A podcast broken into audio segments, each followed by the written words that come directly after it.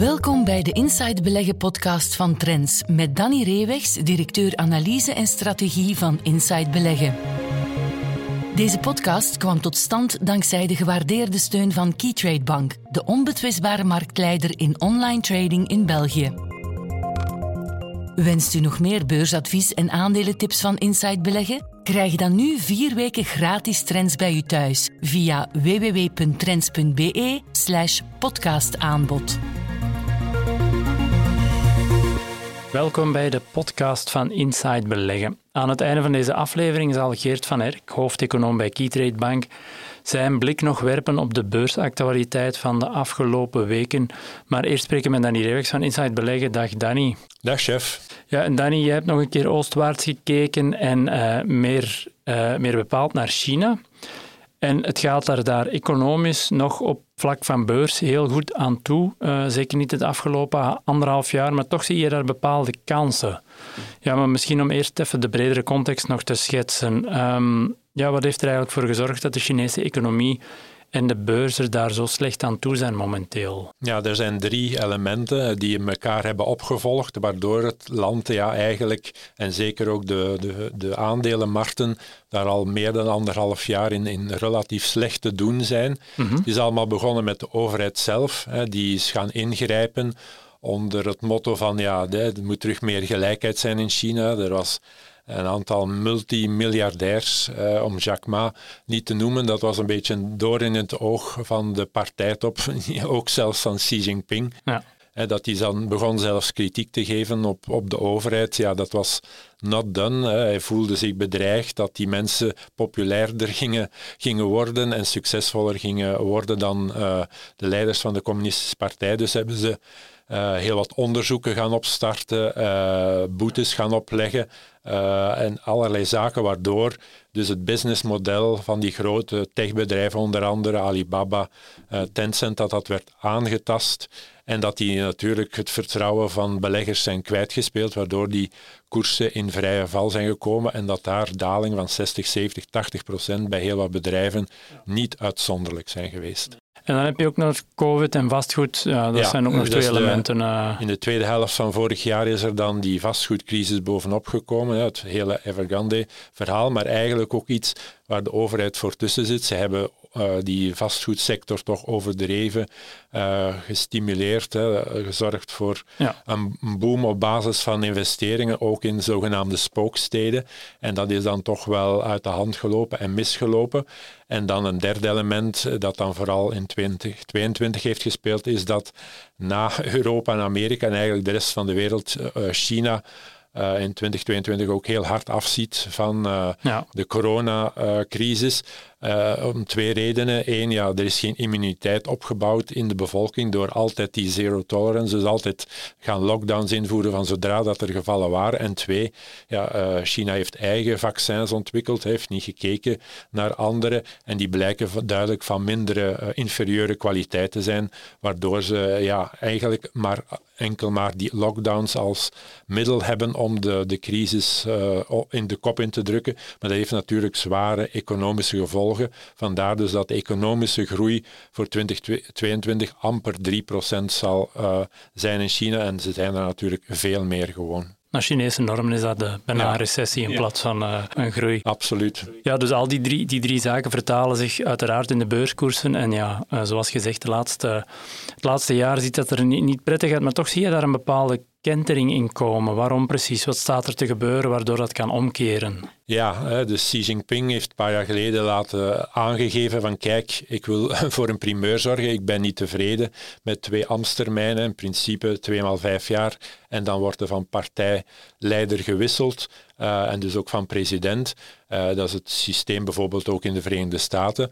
Uh, daar is het dan wel vier jaar, maar bon, dus nog iets korter. Maar de Xi Jinping heeft zich kunnen positie de macht verwerven om te gaan voor een derde termijn. Alleen had hij toen niet verwacht dat dat in in, een periode zal zijn dat hij het, ja, het, het slechtst voorstaat hè, sinds in 2012 partijleider en president is geworden. Want ja, de groei is heel laag, er zijn de gezondheidsproblemen. Dus ja, het is absoluut met, niet met grote luister dat hij naar het partijcongres kan gaan van de Communistische Partij, de vijfjarige hoogmis. Uh, dat had hij in heel andere omstandigheden gewild. Dus doet hij er nu alles aan om het toch nog te keren en ervoor te zorgen dat dat toch nog in betere omstandigheden komt. Vandaar nu de extreme aanpak met lockdowns. Om te zien dat tijdens het partijcongres er geen grote uitbraken meer zijn en dat er enorme stimulusmaatregelen worden genomen. Het meest recente eh, pakket nog eens 1000 miljard yuan of 146 miljard dollar. Eigenlijk een grotere impact dan tijdens het begin van de corona uh, crisis. Vandaar ook dat de Chinese centrale bank in, in tegenstelling tot 80 andere centrale banken in de wereld een, een beleid voert van monetaire versoepeling, versoepeling en niet van monetaire verstrakking en dat er dus regelmatig renteverlagingen worden doorgevoerd. Ja, dus uh, bij wijze van spreken een, een goed nieuwsshow die georchestreerd wordt. Ja. Uh, maar ja, er kunnen beleggers wel, wel van profiteren en op inspelen, maar wat zijn zoal manieren waarbij ze dat kunnen doen? Ja, dus heel die crisissituatie ervoor zorgt dat de Chinese beurs nu een van de goedkoopste beurzen ter wereld is. Je zit in die omgeving van renteverlaging, van stimulus. Dus uh, bedrijven worden niet meer lastiggevallen op dit moment, hè, eerder wat ondersteund. Dus er zijn allemaal elementen om te denken ja, dat uh, de Chinese beurs toch voor een betere periode staat na die extreme afstraffing van het voorbij anderhalf jaar. Je kan natuurlijk uh, aandelen kopen van Tencent, van Alibaba. Tencent kan je ook uh, op de Europese manier via Proces mm doen. Maar je kan ook bijvoorbeeld voor de iShares MSCI China ETF, dus de, de trekker gaan. Dan ga je natuurlijk wel breder kunnen inspelen op die Chinese aandelen. Ja, dus niet omdat ze een uh, afstraffing heeft gekregen dat ze volledig opzij moet gelegd worden door, uh, door beleggers, alleszins. Nee, goed. Uh, en dan voor de eerste van de twee aandelen die we deze week bespreken, komen we iets dichter bij huis, bij Agfa. Agfa Gevaart. Ja. dat kwam voor het met resultaten kwam, recent kwam er ook met groot nieuws. er staan serieuze veranderingen op til voor het bedrijf. Wat precies? Ja, ze hebben eindelijk kunnen afscheid nemen van een drukplatendivisie. Uh, ze hebben dat kunnen verkopen aan het Duitse Aurelius. Uh, dat was gepland, hè. niet dat dat een supergrote verrassing is, want ja, het was al in de boekhouding afgezonderd met de duidelijkheid van dit is geen kernactiviteit meer voor de, de komende jaren, maar je moet natuurlijk nog altijd die verkoop realiseren. Tegen een ondernemingswaarde van 92 miljoen euro is dat eerder aan de lage kant. Maar bon, er zijn ook 50, 60 miljoen pensioenschulden daarin uh, verrekend, dus dat is toch altijd belangrijk, komen we er nog op terug. Maar vooral is dit een bewijs van, kijk, dat transformatieproces waar Agfa Gevaert absoluut nood aan heeft, hè, er moet een nieuw Agfa Gevaert komen, ja, dat krijgt nu toch wel een belangrijke uh, stimulus, want 40, ruim 40% van de omzet uh, gaat er nu eh, van tussen. Ja, en de, twee, de, de andere afdelingen die overblijven, welke zijn dat precies en, en welke rol zie jij die spelen binnen de AGFA-groep de komende jaren? Ja, daar moet meer op ingezet worden. Dat kunnen de nieuwe groeimotoren worden. heb ik over de digitale print, dat is het al de hele tijd, maar ja, dat ging dan een beetje verloren in het totaalpakket, hè, waar de afdelingen in zaten die minder goed waren. Dus de healthcare IT, dat is toch ook mhm. een potentiële groeimotor. Dat is het al, maar dat kan nog beter worden, want nu kunnen de middelen toch wel meer geconcentreerd, meer gefocust worden op die activiteiten, zodat die sneller kunnen groeien, mee kunnen met de, de concurrentie. En dat kan alleen maar hun resultaten ten goede komen. Ja, ja, natuurlijk. en over die resultaten gesproken, Agfa kwam ook met de halfjaarresultaten onlangs. Ja, wat waren daar voor jou uh, de hoofdpunten uit?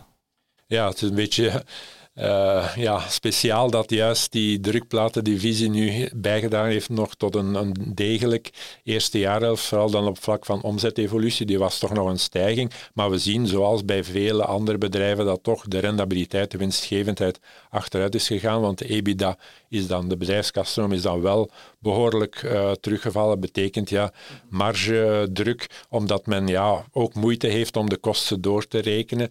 Uh, Agfa heeft niet in elke markt de, de kracht om snel uh, prijzen uh, op te trekken. Hè. Ze moeten rekening houden met, met de concurrentie, wat, wat daar de bewegingen zijn. En dat is iets naar de toekomst waar natuurlijk nog aan gewerkt moet worden. Nou ja, toch enige ironie dat, dat momenteel de sterkhouder is. en je zei het daarnet al, een, een aloudsheer bij Agfa zijn die pensioenlasten, waar nu een deel van mee met de verkoop van die printplaten is verdwenen. Ja, het is lang echt problematisch geweest voor het bedrijf, maar hoe staat het er momenteel voor wat betreft die, ja, die, die lasten van uh, nog uit te keren pensioenen? Ja, dat is toch wel een gunstige evolutie. Ik denk dat de markt daar niet helemaal mee mee is, maar in 2019 op een gegeven moment was dat nog een last van, van meer dan een miljard euro. En intussen zijn we toch mee voor een stukje door die verkopen, maar ook geholpen, hè, want rentestijgen zijn niet altijd voor alles negatief, maar geholpen door een stijgende rente zien we dat die lasten toch aan het afnemen zijn richting een half miljard. Mhm. Dat is natuurlijk niet weinig, maar bon, het is niet meer die molensteen van een aantal jaren geleden. En dat, en dat als we dan het verhaal zouden schrijven van achtvangevers van de voorbije decennia, ja, dat is toch een element geweest dat heel zwaar op het bedrijf heeft gewogen. Ja, ja. Dus Samengevat, AGFA gaat de goede richting uit, maar toch nog enige alertheid uh, vereist voor beleggers die het bedrijf bekijken. Ja, er zijn gunstige elementen. Drukplatendivisie verkoop daarvan is opnieuw een kans om die transformatie door te zetten en nu eindelijk te kunnen uh, zich gaan focussen op die groeimotoren. Maar die, moeten het natuurlijk nog altijd gaan uh, waarmaken. En het is begrijpelijk dat de markt nog eerder afwachtend is, want ja, ze willen zien. We hebben al vaak in het verleden gedacht van nu is AGFA gelanceerd. Dat is niet echt kunnen gebeuren, maar nu is er een nieuwe kans. Hopelijk wordt die gegrepen. Ja, nee, goed. Uh, om op te volgen dus. Uh, en dan het uh, tweede aandeel, dan komen we bij iets bijzonders voor deze week, want dat is namelijk jouw tip van de week. En dat is een nieuwe rubriek die vanaf nu wekelijks in Inside Beleggen zal lopen. Dus we zullen die van deze week uitzonderlijk op de podcast bespreken. Maar voor luisteraars die benieuwd zijn naar meer, die kunnen daarvoor een proefabonnement op het magazine nemen. En dat kan op trends.be slash podcastaanbod. Dus trends.be slash podcastaanbod. En daarmee kunnen ze ook uh, de stukken op Inside beleggen, waaronder die tip van de week ook uh, elke week opvolgen. Maar jouw tip van de week is uh, ditmaal Kinepolis. Um, ja, van waar ja, waarom loop jij warm voor, uh, voor die bioscoop uit Bater? Wat hebben die recent gedaan waardoor je denkt van uh, het is de moment om, om het zeker te bekijken? Ja, never waste a good crisis. Hè. Dat is een beetje het leidmotief voor deze tip van de week. Hè. Kinepolis, maar ook alle andere bioscoopuitbaters in de wereld hebben een, ja, een gruwelperiode achter de rug. Hè, want plots moesten ze sluiten. Het mocht niet meer open. Ze mochten hun bezoekers niet ontvangen. Uh, heel veel problemen ook voor de filmmakers en dergelijke. Dus een, echt een sector in, in diepe crisis uh, geweest. En daar heeft Kinepolis uh, niet stilgezeten en van gebruik gemaakt om nog verder te gaan. Jaarlijks hadden zij een oefening om met 5% minder bezoekers toch evenveel uh, evenveel winst zeg maar, uh, te maken. Ze hebben nu een extra oefening gemaakt ervan uitgaven dat dit misschien voor de sector een extra gamechanger was. In die zin dat mensen nog minder meer naar streaming zouden gaan en dergelijke, nog minder naar de bioscoop zouden gaan. Een oefening met 25% minder bezoekers. En die oefening is gemaakt en die is up and running op dit moment. Dus ze hebben hun break-even point wel heel drastisch verlaagd en daardoor denk ik toch wel een heel belangrijk significant extra voordeel gecreëerd ten opzichte van andere spelers in hun sector. Ja, van efficiëntiewinsten gesproken. Ja. ja, ze kwamen ook recent met cijfers. Nu, het lijkt niet logisch om die te vergelijken met de cijfers van de afgelopen twee jaar, ja, omwille van die uitzonderingen van corona. Maar als je nu uh, eh, 2019 als basisjaar bekijkt en je bekijkt dan de cijfers van de eerste jaarhelft 2022, wat waren daar voor voor jou de, de voornaamste punten uit? Ja, de vaststelling is dat ja, inderdaad de bezoekers nog niet even massaal zijn teruggekeerd. Er is nog altijd een achterstand ten opzichte van 2019. Nu, eerste kwartaal uh, was nog ja, een aantal beperkingen in een aantal landen. Dus toen zat je nog op min een derde, hè, mhm. maar twee derde van het aantal bezoekers. Maar dat is dan toch hersteld. In het tweede kwartaal zat je toch ongeveer op 87 procent. Dus gemiddeld over de eerste helft 77 procent van de bezoekers van 2019.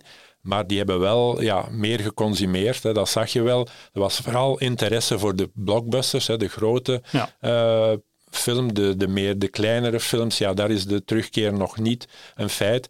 Maar dat heeft wel één groot voordeel. Uh, die blockbusters, dat zijn wat men noemt popcorn uh, films, hè, waar uh, hele gezinnen naartoe komen. En dan wordt er wel uitgebreid de shop bezocht. En dus ja, procentueel gezien wordt er dan wel meer geconsumeerd dan bij eh, gemiddeld andere films. Ja, ja. En qua winsten per bezoeker zag je ook een gunstige evolutie in die cijfers dan? Ja, daar zit je wel ruim al boven de 90% aan EBITDA, dus aan bedrijfskaststroom ten opzichte van 2019. En zelfs in het tweede trimester zat je zelfs boven het cijfer van het tweede kwartaal van 2019. Hebben we bewijst dat die strategie uh, van meer naar premisatie te gaan, cozy ja. seats en dergelijke, en dus ook meer uh, extra's aan te bieden, beleving aan te bieden, ja, dat dat toch wel werkt en dat, de, dat daar consumenten, dat daar bezoekers voor zijn die daar echt wel uh, willen op inspelen. Ja. Nu, als we naar de financiële positie gaan kijken, balansmatig, uh, zijn er daar bepaalde punten aan te halen om toch rekening mee te houden wat betreft Kinepolis? Ja, dus heel de sector heeft problemen met financiële schulden. Mee door de coronacrisis zijn die natuurlijk erger geworden. Maar je ziet wel ja, dat uh, Kinepolis erin slaagt per bezoeker uh, meer winst te maken. En dat zij dus toch wel uh, wat sneller dan concurrenten die positie terug kunnen, kunnen verbeteren. Hè, dat dat meer en meer terug onder controle is. Dat geeft vandaag nog niet de ruimte om massaal en, en aan overnames te doen. Dus die beweging die bezig was hè, om acquisities te doen voor coronacrisis, die is dan gestopt. De laatste mm -hmm. overname was de eerste overname in Amerika. Uh, maar bon, je ziet wel dat er normaal gezien vanaf 2023 die ruimte wel zal komen. En dat dus inderdaad een aantal andere spelers meer en meer in de problemen zullen komen, omdat uh, de bezoekers niet terugkeren of dat ze financieel slecht, uh, slecht voorstaan. Dus in die zin openen er opnieuw opportuniteiten qua expansie voor Kinepolis, wellicht vanaf volgend jaar. Oké, okay, perfect. Daarmee hebben we jouw uh, eerste tip van de week onder de loep genomen, waarvoor dank. En bedankt voor alle andere inzichten en graag tot volgende week. Graag gedaan, tot volgende week. We luisteren nu naar Geert van Herk, Chief Economist van Keytrade Bank, met zijn analyse op een aspect van de economische actualiteit. Hallo iedereen en welkom bij onze wekelijkse bijdrage aan de Inside Beleggen podcast. We zijn ondertussen ja, midden september en ja, aan het begin van de maand heb ik toch een aantal studies, uh, research notes gelezen. September is traditioneel gezien een van de zwakste beursmaanden en die zwakte concentreert zich vooral op het einde van de maand. Het zal u niet opgevallen zijn dat uh, ja, de eerste weken of de eerste dagen toch van uh, september vrij goed geweest zijn. De beurzen zijn opnieuw opgeveerd en na toch de onverwachte daling tijdens de maand augustus. Dus dat is eigenlijk het goede nieuws. Dus misschien ja, moeten we ons toch wel een beetje ja, indekken of toch in het achterhoofd houden dat ja, die tweede helft van september uh, wat zwakker kan zijn. En opnieuw, zoals ik al vaak gezegd heb in deze podcast, als belegger moet je toch een zeker plan hebben. Als je blootstelling hebt aan aandelen, of het nu Belgische aandelen zijn, Europese, uh, Amerikaanse aandelen, bepaal altijd voor jezelf van waar neem ik mijn verlies. Stel dat de markt een onverwachte wending neemt, ja, van waar stap ik uit, waar neem ik mijn verlies. Want dat is toch een heel belangrijke beslissing die je neemt uh, bij het beheren van je eigen aandelenportefeuille. En ik denk dat het misschien nog wel de belangrijkste beslissing is die je als belegger kan nemen, want uw verlies beperken is werkelijk cruciaal om op lange termijn toch een mooi of een hoog rendement te halen met je aandelenbeleggingen. Dus uh, dat voor wat betreft uh, ja, uh, september, dus toch een beetje misschien ja, de aandacht wat verhogen naar het einde van deze maand toe. Want het moet toch gezegd blijven dat de beurzen sinds juli van dit jaar toch opnieuw een zeer volatiel patroon hebben. En ik denk toch dat dat komt wat ik ook in vorige, vorige podcasts al verteld heb, is ja, de belangrijkste wereldbeurzen, de S&P 500, de Nasdaq, maar ook ja, de Eurostox 50 of de, de Stoxx Europe 600, die blijven toch nog altijd noteren onder hun 200-daags gemiddelde. Dus 200-daags gemiddelde is ook een beetje in een neerwaartse trend, is neerwaarts aan het afbuigen. Uh, en dat ja, wijst toch opnieuw dat we nog eigenlijk nog altijd in die dalende trend zitten. En wat ook heel belangrijk is, zolang we onder het 200-daags gemiddelde blijven noteren, is de volatiliteit op de beurzen hoger dan gemiddeld. Ja, ik denk toch wel uh, dat dat ook een kenmerk is uh, vanaf de zomermaand. We hebben een sterke juli-maand gezien. Dat toch een beetje, ja, wat mij betreft, toch een onverwachte daling in uh, augustus.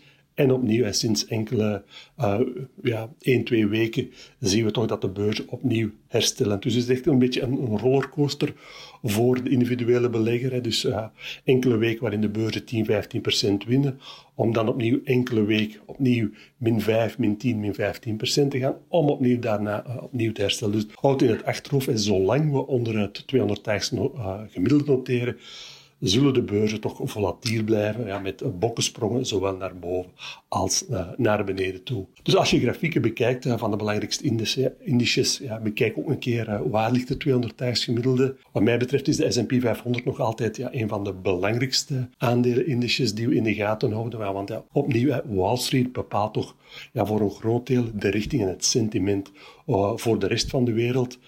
Voor de S&P 500 ja, ligt het 200 gemiddelde op dit moment rond de, de 4200, 4250 punten. Dus als de rally die sinds enkele weken nog bezig is uh, op de S&P 500, als die kan verder gaan, boven de niveaus 4200, 4300 punten kan uitstijgen, ja, dan is dat echt denk ik wel een, zeer belangrijk signaal uh, voor, voor elke uh, aandelenbelegger. want dan denk ik toch klaart uh, de toekomst op en uh, ja, komt toch een beetje ja, de zon een beetje terugschijnen op uh, de internationale aandelenmarkten.